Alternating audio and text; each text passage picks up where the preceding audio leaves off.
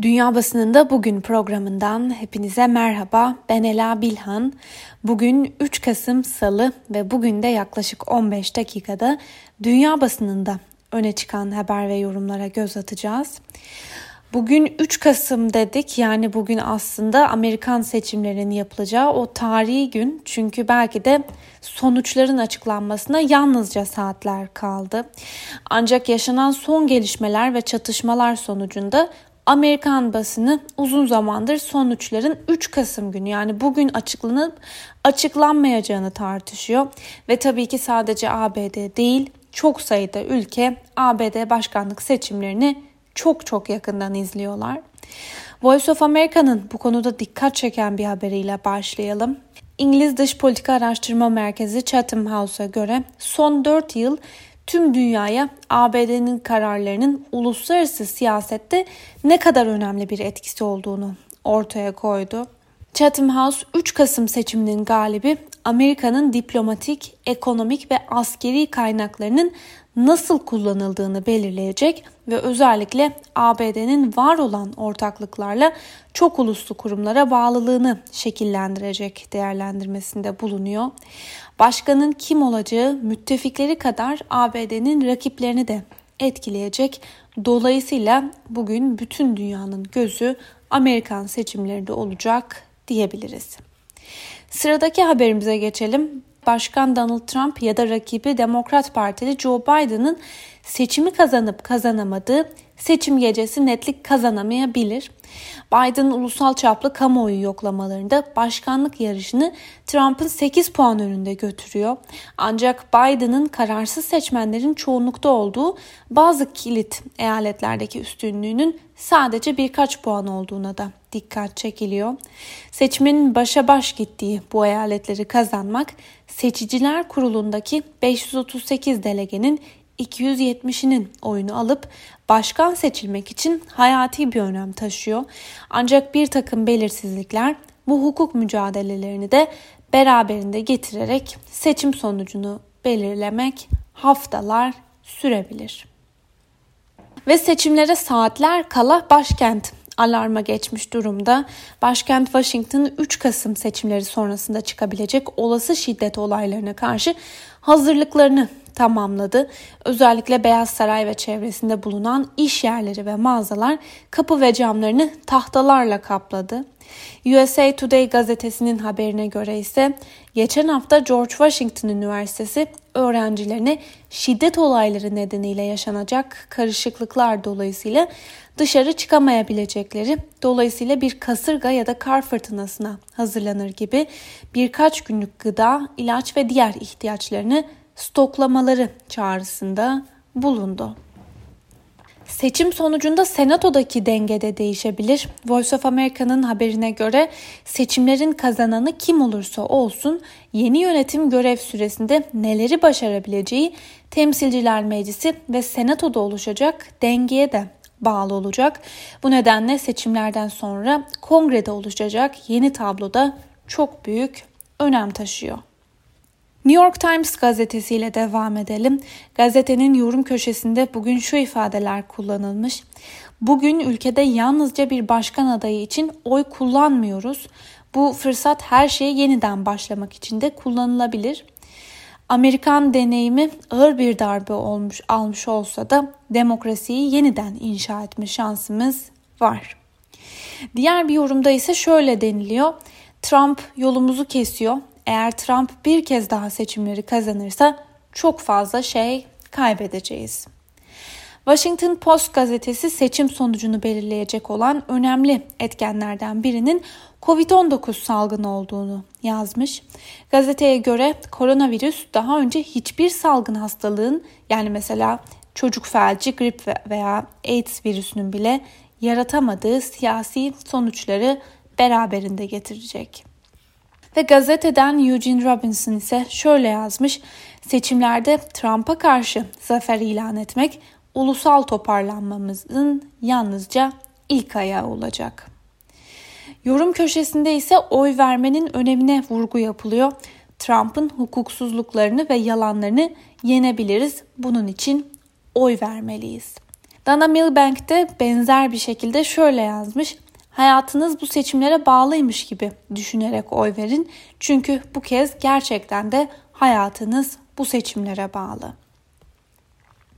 Önemli bir diğer haberle devam edelim. ABD merkezli haber portalı Axios ismini vermediği 3 ayrı kaynağa dayandırdığı haberinde Trump'ın seçimleri önde götürmesi durumunda oy sayımı bitmeden zafer ilan ederek seçimi gasp etmeye çalışacağı iddia edildi. Bu iddia karşısında sosyal medya platformu Twitter'da harekete geçti ve şirket resmi sonuçlar açıklanmadan zaferini ilan eden adayın kampanyalarının ya da yüksek profilli isimlerin paylaşımlarına uyarı etiketi koyacağını duyurdu. Ve henüz bu iddialar ortaya atılmışken Trump da bu konuda bir açıklama yaptı ve dedi ki oy sayımız salı günü yani bugün bitmezse avukatlarım devreye girebilir. Ve BBC'nin bu konuda aktardığı önemli bir diğer habere de göz atalım. Herkesin aklında tek bir soru var. Evet Joe Biden son anketlerde Trump'ın ortalama 10 puan önünde gözüküyor. Ancak Joe Biden'ı önde gösteren anketler 4 yıl önceki gibi yanılıyor olabilir mi? Çünkü aynı anketlere göre yarışın başa baş geçmesi beklenen 12 eyalette fark Biden'ın lehine 6 puana düşüyor. Bu durumda ulusal e, çaptaki oy farkının karşın Trump'ın 2016 yılında yaptığı gibi ulusal halk oyunu almadan başkanlık için gereken yeterli delege sayısını bulup yarışı kazanmasını sağlayabilir. Times gazetesinin Washington muhabiri Henry Zeffman analizine göre Pensilvanya, Florida, Michigan ve Wisconsin gibi yarışın başa baş geçmesi beklenen eyaletlerde yapılan anketlerdeki hata payı 2016'daki kadar olsa bile Biden bu tüm eyaletlerde Trump'ı yenilgiye uğratıyor. Yani Trump'ın kazanması için anketlerdeki hata payı çok çok fazla olmalı. Bu muhtemel ancak zor gözüküyor. Zefman 2016 ile bir başka fark olarak da Biden'ın anketlerde Trump'a attığı farkın Clinton'dan daha büyük ve daha istikrarlı olmasına işaret ediyor ve analizini şöyle sürdürmüş. Clinton'da olduğu gibi seçime birkaç gün kala fark azalmadı. Bu kez anketçiler Pensilvanya gibi eyaletlerin önemini fark etti ve burada da sık ve kaliteli anketler yapıldı. Çok az sayıda kararsız ve üçüncü bir adaya oy vereceğini söyleyen seçmen var. Biden'ı kişisel olarak beğenenlerin sayısı Trump'tan ve Clinton'dan çok daha fazla. Kampanya döneminde de Biden'ı beğenenlerin sayısı arttı. Seçmenler kampanyada Biden'ı gördükçe daha çok beğen beğendiler gibi gözüküyor. Eurotopics'in haberine göre Avrupa'nın da gözü Washington'da, köşe yazarları ise seçimin Avrupa ve ABD üzerindeki olası etkilerini tartışıyorlar. Örneğin Hırvat basınından Novillist şöyle yazmış. Daha yakın uluslararası bir işbirliği olmadan tüm devlet ve uluslar kesin olarak batacaktır. Hem de şu ana kadarkinden çok daha hızlı bir şekilde. Trump bir mucize eseri görev başında kalacak olursa kendisi de politikasını değiştirmek zorunda. Yunan basınından Katimerini gazetesinin genel yayın yönetmeni Alexis Papahellas şu yorumu yapmış. Trump'ın seçimden zaferle çıkması büyük bir sürpriz olacaktır. Kibri de benzer büyüklükte olacaktır. Zira tüm zorluklara ve Covid-19 enfeksiyonuna rağmen kazanabildiğini gösterecektir. Bundan sonra ise kimse Trump'ı durduramaz. ABD uzmanı siyaset bilimci Gustavo Palomares İspanyol El Diario'da şu değerlendirmeyi yapmış. ABD seçimleri Avrupa için onlarca yıldır bu kadar önemli olmamıştı. Pandemiyle uluslararası mücadele, Brexit sonrasında ne yapılacağı, NATO'nun reformu, cihatçılık ile mücadele ve yeni göç, iltica ve sığınmacı politikası. Tüm bunlar ve çok daha fazlası Trump'ın Beyaz Saray'da kalıp kalmamasından etkilenecek konu başlıklarından birkaç tanesi. Macar basınından sol görüşlü HVG gazetesi şöyle yazmış. Brexit, Doğu Avrupa'da yaşanan illiberal gelişmeler, Bolsonaro'nun Brezilya'sı, Erdoğan'ın Türkiye'si, Trump'ı ölümüne destekleyen Amerikan ortabatısı bu virüsün Beyaz Saray'daki kadro değişikliğiyle gitmeyecek kadar derine yerleştiğinin emareleri. Beyaz Saray'ın yeni efendisi Joe Biden adını taşısa da Trumpçılık Trump olmadan da gizli bir enfeksiyon gibi alttan alta sürebilir.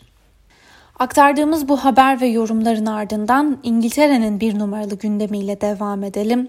Dün bültenimizde de aktarmıştık. İngiltere ulusal çaplı bir karantina uygulama kararı aldı.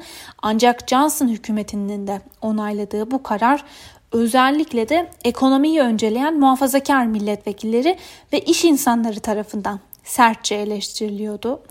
Johnson'ın İngiltere için kaçınılmaz olarak açıkladığı ve 2 Aralık'a kadar sürecek olan ulusal karantinanın e, uzayabileceği söylenmeye başladı ve bugün Financial Times'ın gündemindeki haberlerden birine göre de Boris Johnson bu gelen tepkilerin ardından İngiltere'de uygulanacak olan karantina sürecinin kısıtlı bir süre için yani yalnızca bir aylığına uygulanacağını söyledi. Ancak birçok kişi sürecin uzayacağından emin. Gazeteye göre Johnson'ın sahiplenmiş olduğu bu söylem tepki gösterenlerin öfkesini yatıştırmaya yetmedi. The Daily Telegraph'ın bugün manşetine taşıdığı habere göre İngiltere hükümeti toplu bir test uygulamasını hayata geçirmeye hazırlanıyor. Gazeteye göre bu hafta itibariyle şehirlere haftalık Covid testleri dağıtılacak. Uzmanlar günde 10 milyon kişinin test edilmesini hedefleyen bu stratejinin 100 milyar pound'a mal olacağı görüşünde. The Guardian'ın ise manşetten verdiği habere göre az önce de bahsettiğimiz bu toplu e, test stratejisi ilk olarak Liverpool'da denenecek. Buna göre Liverpool'da 500 bin insana cuma gününden itibaren koronavirüs testi yapılacak. Yapılacak toplu tarama ile bir projeksiyon yapılması da öngörülüyor. Gazetenin yine ilk sayfadan verdiği bir diğer haberde de Amerikan seçimleri ele alınmış. ABD seçime girerken demokrasi için endişeler hakim diye yazmış gazete ve haberde benzer bir seçimin Amerikan tarihinde daha önce hiç yaşanmadığı belirtilirken şiddet olaylarına, protestolara, manipülasyon girişimlerine ve tehditlere yer verilmiş. Başta Avrupa olmak üzere dünyayı sarsan bir gelişmeyle devam edelim. Dün akşam saatlerinde Avusturya'nın başkenti Viyana'da bir sinagog yakınlarında bir silahlı saldırı düzenlendi. Silahlı saldırıda da en az 4 kişinin hayatını kaybettiği açıklandı. Polisten yapılan açıklamada saldırıların birden fazla kişi tarafından kentin 6 farklı noktasında düzenlendiği belirtilirken Avusturya İçişleri Bakanı saldırıların bir terör eylemi olduğunu açıkladı. Avusturya merkezli Kronen gazetesi Avusturya Yahudi cemaatinin Yahudi vatandaşlara evlerini terk etmemeleri çağrısında bulunduğunu da duyurdu ve öbür taraftan Avusturya medyası daha geçtiğimiz haftada göçmen gençler kilise bastı başlıklı haberler paylaşmıştı ve aslında bunun üzerine e, ülkede güvenlik önlemlerinin de arttırıldığı belirtilmişti. Bugün hem Alman hem de Avusturya basınında geniş yer bulan bu son haberler gazetelerde de ilk sayfalara yerleşirken İslamcı terör başlıkları karşımıza çıkıyor. Panik ve kaos yaratmak isteyen saldırganlardan birinin DAEŞ sempatizanı olduğu açıklandı. Tagesschau saldırganlar İslamcı motivasyonlarla bu saldırıyı düzenlediler diye yazarken Alman Die Zeit gazetesi ise Viyana'da İslamcı terör başlığıyla aktardığı haberde Angela Merkel ve Emmanuel Macron'un saldırılara sert tepkiler verdiklerini yazmış. Alman basınının bir diğer gündemi ise ülkede artan vaka sayıları. Deutsche Welle'nin aktardığı bir habere göre Almanya'da koronavirüs salgınına karşı getirilen yeni kısıtlamalar e, gece yarısı yürürlüğe girdi. Ancak gastronomi alanındaki işletmelerin kapatılması ve kültürel etkinliklere izin verilmemesi eleştirileri de beraberinde getirdi. Kısıtlamadan etkilenecek olan firma ve işletmelere 10 milyar euroya kadar mali yardım yapılmasına karar verildi. Ancak buna rağmen korona krizinden yoğun olarak etkilenen kültürel etkinlikler ve gastronomi sektörü yeni kısıtlamalardan hoşnut değil. Bu sektörlerde faaliyet gösteren birçok firma ve işletmenin iflasın eşiğine gelmesi kaygı yaratıyor ve hukuk uzmanları kısıtlamalara karşı çok sayıda dava açılabileceğini de tahmin ediyor. Dün AFP Fransa'ya ilişkin önemli bir haber paylaştı. Buna göre Fransa İçişleri Bakanlığı ülke ocaklarının ülkedeki faaliyetlerini durdurma kararı aldı. Ülkenin İçişleri Bakanı yaptığı açıklamada MHP ile bağlantılı Türk milliyetçisi Bozkurtlar hareketini durdurmak için hükümet olarak harekete geçeceklerini duyurdu. Geçtiğimiz hafta Lyon'da Türk milliyetçisi gruplar sokaklarda eylemler yapmış ve Ermenilere karşı sloganlar kullanarak 1915'te hayatını kaybeden Ermenilerin anısına Lyon şehri dışında bulunan bir anıta Bozkurtlar anlamına gelen Fransızca Lups Gris e, yazılmıştı ve kararında bu gelişme üzerine verildiği belirtiliyor. Ve son haberimize geçelim. Orta Doğu'da koronavirüs salgınından en çok etkilenen ülkelerin başında gelen İran'da son 24 saat içerisinde 440 insanın hayatını kaybettiği açıklandı. Arap News'un haberine göre Suudi Arabistan'da da vaka sayıları endişe verici düzeyde yükseldi. Sağlık uzmanları son 24 saatte 53 binden fazla vakanın tespit edildiğini açıklarken endişeler de artmış durumda. Sevgili Özgürüz Radyo dinleyicileri, Arab News'tan aktardığımız bu haberle birlikte bugünkü programımızın da sonuna geldik. Yarın aynı saatte tekrar görüşmek dileğiyle. Şimdilik hoşçakalın.